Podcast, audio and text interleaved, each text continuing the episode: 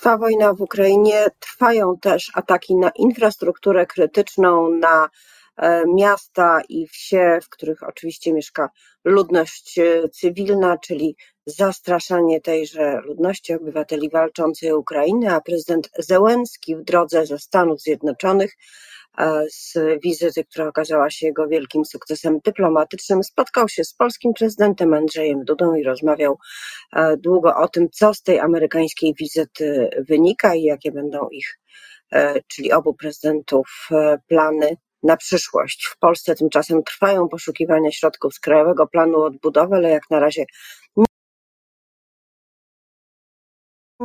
gotował dla kolegów i koleżanek polityków. I o tym już za chwilę będę rozmawiała z moim gościem, Zuzanna Dąbrowska. Dzień dobry.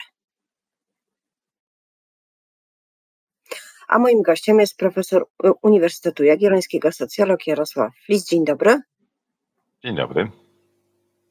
E, ten prezent, o którym wspomniałam, to złożenie tuż przed świętami e, propozycji zmian w kodeksie wyborczym, e, co oczywiście zostało wykonane przez Prawo i Sprawiedliwość. Nie jest to duże zaskoczenie, o tyle, że mówiło się już wcześniej, że takie zmiany będą proponowane, jak można by te zmiany określić. To są zmiany techniczne, ilościowe, czy też głęboko przebudowujące kodeks wyborczy i sposób głosowania.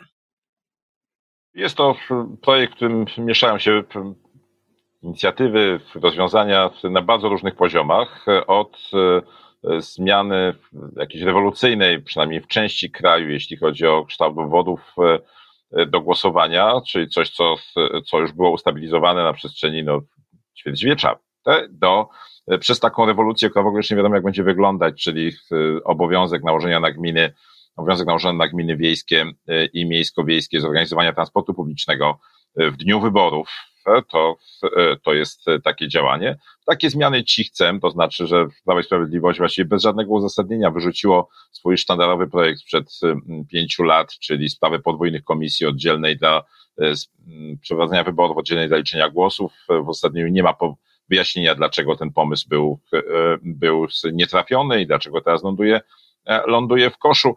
Jest też dużo różnych takich drobnych rzeczy, które wymagają bardzo głębokiej analizy, bo w zasadzie nie wiadomo, E, co z nich jeszcze wynika, jakie są tego konsekwencje. Takie zmiany bardzo często można by przeprowadzić konsensualnie, a nie wrzucać na dzień przed, e, przed Wigilią w, w gdzieś cichcem bez wcześniejszego e, nawet przedyskutowania z kimkolwiek. No ale po to jest parlament, żeby teraz, żeby teraz to spowolić. No na szczęście jest taka sytuacja, że nie obudzimy się tak, że to jutro już jest obowiązującym prawem, bo jak to mogłoby mieć miejsce pięć lat temu. No w każdym razie te zmiany są bardzo różnorodne o E, o różnym, e, różnym znaczeniu, nie do końca jeszcze wiadomo jakim. No właśnie, panie profesorze, bo oczywiście opozycja e, natychmiast podnosi alarm, że PiSowi źle idzie w sondażach, że z sondaży wynika wszystkich w różnym stopniu, ale ze wszystkich, że będzie ciężko zbudować rząd po wyborach, a właściwie, że będzie to niemożliwe. No i teraz E, zgodnie z aforyzmem, że tonący brzydko się chwyta, PiS się chwyta e, tych zmian w kodeksie wyborczym, które mają mu pomóc. Spróbujmy zweryfikować tę tezę. E, pan o okręgach wyborczych wie wszystko. Czy to rzeczywiście to, czyli zwiększenie liczby miejsc do głosowania, mówiąc tak najbardziej po prostu, zwiększy frekwencję, jak mówią wnioskodawcy, i co za tym idzie, pomoże PiSowi, bo chodzi tu o mobilizację elektoratu. Znaczy, mało jest sygnałów, które by wskazywały, że tak jest naprawdę. Znaczy, wiemy, że frekwencja się bardzo zmienia, szczególnie na obszarach wiejskich, i zmieniała się pomimo tego, że te komisje do głosowania były w tych samych miejscach. Na przykład w wyborach ostatnich prezydenckich w takiej gminie w gminie Dziadowa Kłoda na Dolnym Śląsku, to to poszło o jedną trzecią wyborców niż więcej niż w wyborach sejmowych E, które były w 2019 roku, a z kolei w tych wyborach sejmowych i tak poszło dużo więcej osób niż w wyborach sejmowych jeszcze 4 lata wcześniej. Także to, to skoki były bardzo, e, bardzo duże. A to jest akurat przykład takiej gminy, w której to, e, ta zmiana byłaby bardzo duża. To znaczy w miejsce trzech komisji wyborczych, gdyby to, no patrząc na, na, na tą sytuację, musiało powstać dziewięć komisji wyborczych. To jest takich trzech w miarę standardowych, powstałoby dziewięć w bardzo, w bardzo małych bardzo małych komisji. I tam, ale teraz nie wiemy, czy to, czy to rzeczywiście był istotny problem, dlatego że polskie gminy do tej pory miały bardzo dużą swobodę w ustalaniu takich, takich reguł. To znaczy, to jest tak, że gmina Jeżów E, w e, powiecie brzezińskim miała wszystkie komisje średnio o wielkości 300 mieszkańców, czyli poniżej progu, ponieważ ten próg 500 był taki bardzo miękki, to znaczy jeśli gmina uważa, że trzeba gęściej, to proszę bardzo. No mniej więcej tak, to była raczej taka wskazówka. No to wydaje się rozsądne. Panie profesorze, bo to wydaje się rozsądne. Tak to wyglądało, tak, do tej pory. Y, możliwości dojazdu do, do tego punktu, w którym się głosuje do komisji e, wyborczej, e, rozrzucenia e, zabudowań, prawda, w, w terenie, no to jest ważne, czy się idzie z jednego bloku i wtedy może i 3000 osób przyjść, czy z jakiejś miejscowości, która jest bardzo, bardzo rozrzucona. I teraz co się zmienia? Ma się zmienić. Teraz będzie tak, że będzie przymus podziału. E, znaczy, no, można się z niego tłumaczyć, jak nie ma możliwości, ale te możliwości generalnie w większości są, bo tam są, znaczy w niektórych miejscach nie będzie oczywiście, to, to, to, to jest, to się może zdarzyć, ale jest przymus podziału na, w każdej miejscowości e, jedna, e, jedna komisja, jeśli tylko są takie warunki lokalowe, no to czasami będzie prowadzić do dziwnych sytuacji, tak jak na przykład w gminie, dobrze mi znanej gminie Dębno, gdzie jest tak, że są, są dwie dwie obok miejscowości sąsiadujące, Porąbka Uszewska i Doły i e, jest tak, że szkoła jest na granicy tych, tych gmin, znaczy tych miejscowości w Porąbce Uszewskiej. I tak naprawdę mieszkańcy Porąbki Uszewskiej mają dalej niż mieszkańcy Dołów, które są małą miejscowością, jest tuż obok, no ale będą musieli mieć teraz mieszkańcy Dołów jechać, iść do remizy w przeciwną stronę niż szkoła i kościół, no dlatego, że w zasadzie nie ma powodu, żeby do, zachować dotychczasowy stan, to znaczy taki, że, że komisja jest w szkole w Porąbce tuż obok kościoła. No ale no wygląda na to, że ten projekt nie jest, nie jest głęboko przemyślany, opiera się na, na, jakichś, na jakichś odczuciach, anegdotach, a prawda jest, jest taka, że wymagałoby to dokładnego przemyślenia.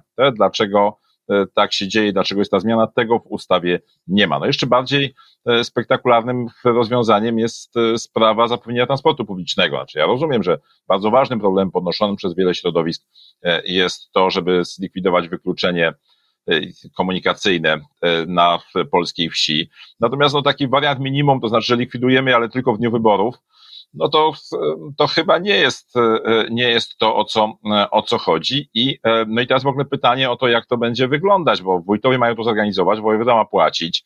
No pytanie, czy, czy wójtowie nie zamówią taksówki dla każdego, dla każdego chętnego i każą za to zapłacić wojewodzie. No to, to w zasadzie z tej ustawy Poza tym, to wynika. Też są pytania organizacyjne, bo co to znaczy zapewnić transport? O dowolnej porze ma ten na przykład busik y, w jakiejś niewielkiej wsi czekać, aż się zbiorą pasażerowie? Czy ma zrobić pięć kursów o konkretnych godzinach? No to wszystko jest niedo, zupełnie niedoprecyzowane, ale oczywiście zostaje podstawowe pytanie i ono już jest bardzo poważne od strony politycznej i socjologicznej, czyli czy zwiększenie frekwencji jeśli się uda zamysł tej ustawy i rzeczywiście to wpłynie na zwiększenie frekwencji, tego nie jesteśmy pewni, ale jeśli zwiększa szanse Prawa i Sprawiedliwości na wygranie wyboru, czyli czy opozycja ma rację podnosząc alarm? Tak, no opozycja nie ma racji podnosząc alarmu w tym sensie, że wszelkie działania profrekwencyjne, które są podejmowane, są niezależnie od tego, jakie kto ma motywy, no są rzeczami, przeciwko którym nie wypada protestować. No to znaczy w takim w taki sposób. Oczywiście można wskazywać na, na motywy i na to, że ktoś komuś przez 8 lat to nie przeszkadzało i dopiero jak mu się popsuły sondaże, no to, to nagle sobie przypomina, że, e, że są obszary wiejskie w, e, w Polsce. No, można powiedzieć lepiej późno niż wcale. To, to jest też taka, to jest takie drugie podejście. Czy to ma realne przełożenie na wyniki wyborów? no to tego do końca też nie wiemy. To znaczy, możemy się tego spodziewać, aczkolwiek, tak jak mówię na początku, te zmiany we frekwencji E, są kolosalne w Polsce i one naprawdę się odbywają w ramach tej samej sieci, e, tej samej sieci e, komisji wyborczych i wiemy też, że w różnych miejscach ci nowi wyborcy, którzy, którzy idą, nie do końca są przewidywalni. Znaczy nie wiemy do końca, kto to będzie. Wiemy na przykład, że z dotychczasowych badań, że ci, którzy nie głosują, mają bardziej lewicowe poglądy. A jeśli chodzi o, o, o w ogóle światopogląd, i poglądy i ekonomiczne, i, i społeczne, że w tym momencie częściej głosują osoby e, religijne, to znaczy, że te osoby, które, gdzie potencjalny wzrost frekwencji będzie, jest bardziej prawdopodobny. To są osoby akurat, które nie uczestniczą w praktykach religijnych. Więc to może się okazać, że to wcale nie jest taka oczywista kalkulacja, jak sobie to partia rządząca założyła. Może się skończyć właśnie tak, jak, jak z tymi podwójnymi komisjami, kiedy wydawało się, że to jest jakieś wunderwaffe, które e, powstrzyma nieuczciwość w Polsce wyborów. No okazało się, że żadnej nieuczciwości nie ma, natomiast są tylko z tego i wyłącznie kłopoty organizacyjne i partia rządząca się teraz z tego po cichu e, wycofuje. Także w zasadzie w samej trosce o, o dostęp do, e, do lokali wyborczych nie ma niczego złego. Pytanie, czy ona jest dobrze przemyślana, to znaczy, czy ona realnie, czy pacjent jest naprawdę chory, zanim podamy mu lekarstwo. Po drugie, ile to będzie kosztować, to znaczy, to jest o ile wzrosną koszty e, wyborów w takiej sytuacji. Wiadomo też, że mniejsze komisje, jeśli Prawo i Sprawiedliwość tak się troszczy e, o uczciwość wyborów, to są miejsca, gdzie trudniej jest pilnować uczciwości, to znaczy te komisje będą mniejsze, będzie, prawdopodobnie będzie trudniej zrekrutować tam osoby z doświadczeniem e, w takiej, w takiej działalności. Nie wiemy, jak tam będzie z obsługą informatyczną. No jest trochę, to jest rzecz do głębokiego przemyślenia. Może warto to było zrobić dwa lata temu i wtedy byłaby to spokojna dyskusja. No rzeczywiście wrzucanie czegoś takiego tuż przed samymi e, wyborami, no jest, e, budzi zrozumiały opór. Natomiast to, że i podejrzliwość, natomiast to, że ta e, podejrzliwość się rodzi, to nie znaczy od razu, żeby powstawało takie wrażenie, które jest tutaj główną pułapką na opozycję, że opozycja zacznie narzekać na to, że ktoś chce zwiększyć frekwencję na wsi. No to wtedy oczywisty sposób oznacza, że ona wyborców wiejskich nie lubi i oni wtedy to odwzajemniają. E, to znaczy, to jest, to jest Ale taki... Może to w ogóle może to w ogóle jest tak e, pomyślane, żeby był dobry temat do rozmowy, bo e, każdy temat wyborczy, e, który przebija się do świadomości obywateli, w jakiś sposób ich mobilizuje. No chyba być może, że chodziłoby o nadużycie, ale nie, tutaj są inne pomysły. Więc być może to też jest sposób na to, żeby o tych wyborach porozmawiać w toku kampanii wyborczej, żeby się trochę o nie pokłócić, no krótko mówiąc, wstawić kolejną kozę do e, Izby i e, bardzo troskliwie się nią zająć. To trochę mi daleki jestem od takiego, takiego sposobu myślenia. Wydaje mi się, że, że jest, Polska ma tyle poważnych problemów i tyle poważnych problemów jest na świecie, że jest o czym, o czym rozmawiać. I rzeczywiście, patrząc na, na przykład na sondaże przez ostatni rok, no to widać, że, że, to, że to przełożenie nawet tych, tych ważnych rzeczy na, na wyniki te, te sondażowe, to nie jest takie oczywiste. To znaczy widać pewne trendy, to znaczy to, to widać, że władzy idzie coraz gorzej. To nie są jakieś dramatyczne zmiany, to jest lekki, lekki odpływ. No ale jeszcze przed rokiem tam łączny wynik mandatowy spodziewany e, PiSu i Konfederacji, no oscylował wokół połowy mandatów. No teraz zszedł poniżej 200 mandatów, czyli sporo od, od połowy. I trochę osłabł PiS, trochę osłabła Konfederacja. No w każdym razie to się, to się wszystko, wszystko oddala. No i wydaje się, że, że na to wpływ mają przede wszystkim jednak rozmowy o poważnych tematach, które znikają. Znaczy można próbować odciągać uwagę, ale w momencie, w którym uwagę przykuwa to, że ktoś chce odciągnąć uwagę, to jest jeszcze gorsze niż żeby tego nie robił. Ja to znaczy taki, to jest podstawowy paradoks. No tak, ale e, w sytuacji, kiedy rzeczywiście e, te tematy przy stołach e, świątecznych mogą być dla władzy niewygodne, to każda próba się liczy.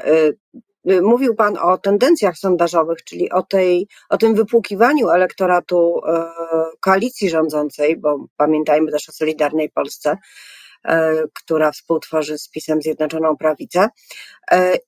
To bardzo ogranicza szanse na zbudowanie rządu, ale czy rzeczywiście jest nie do odbudowania, bo jednocześnie sondaże pokazują, że ta grupa, która odchodzi od Zjednoczonej Prawicy, e, nie idzie specjalnie daleko, nie przechodzi na drugą stronę rzeki do opozycji, tylko gdzieś, no właśnie, gdzie ona jest.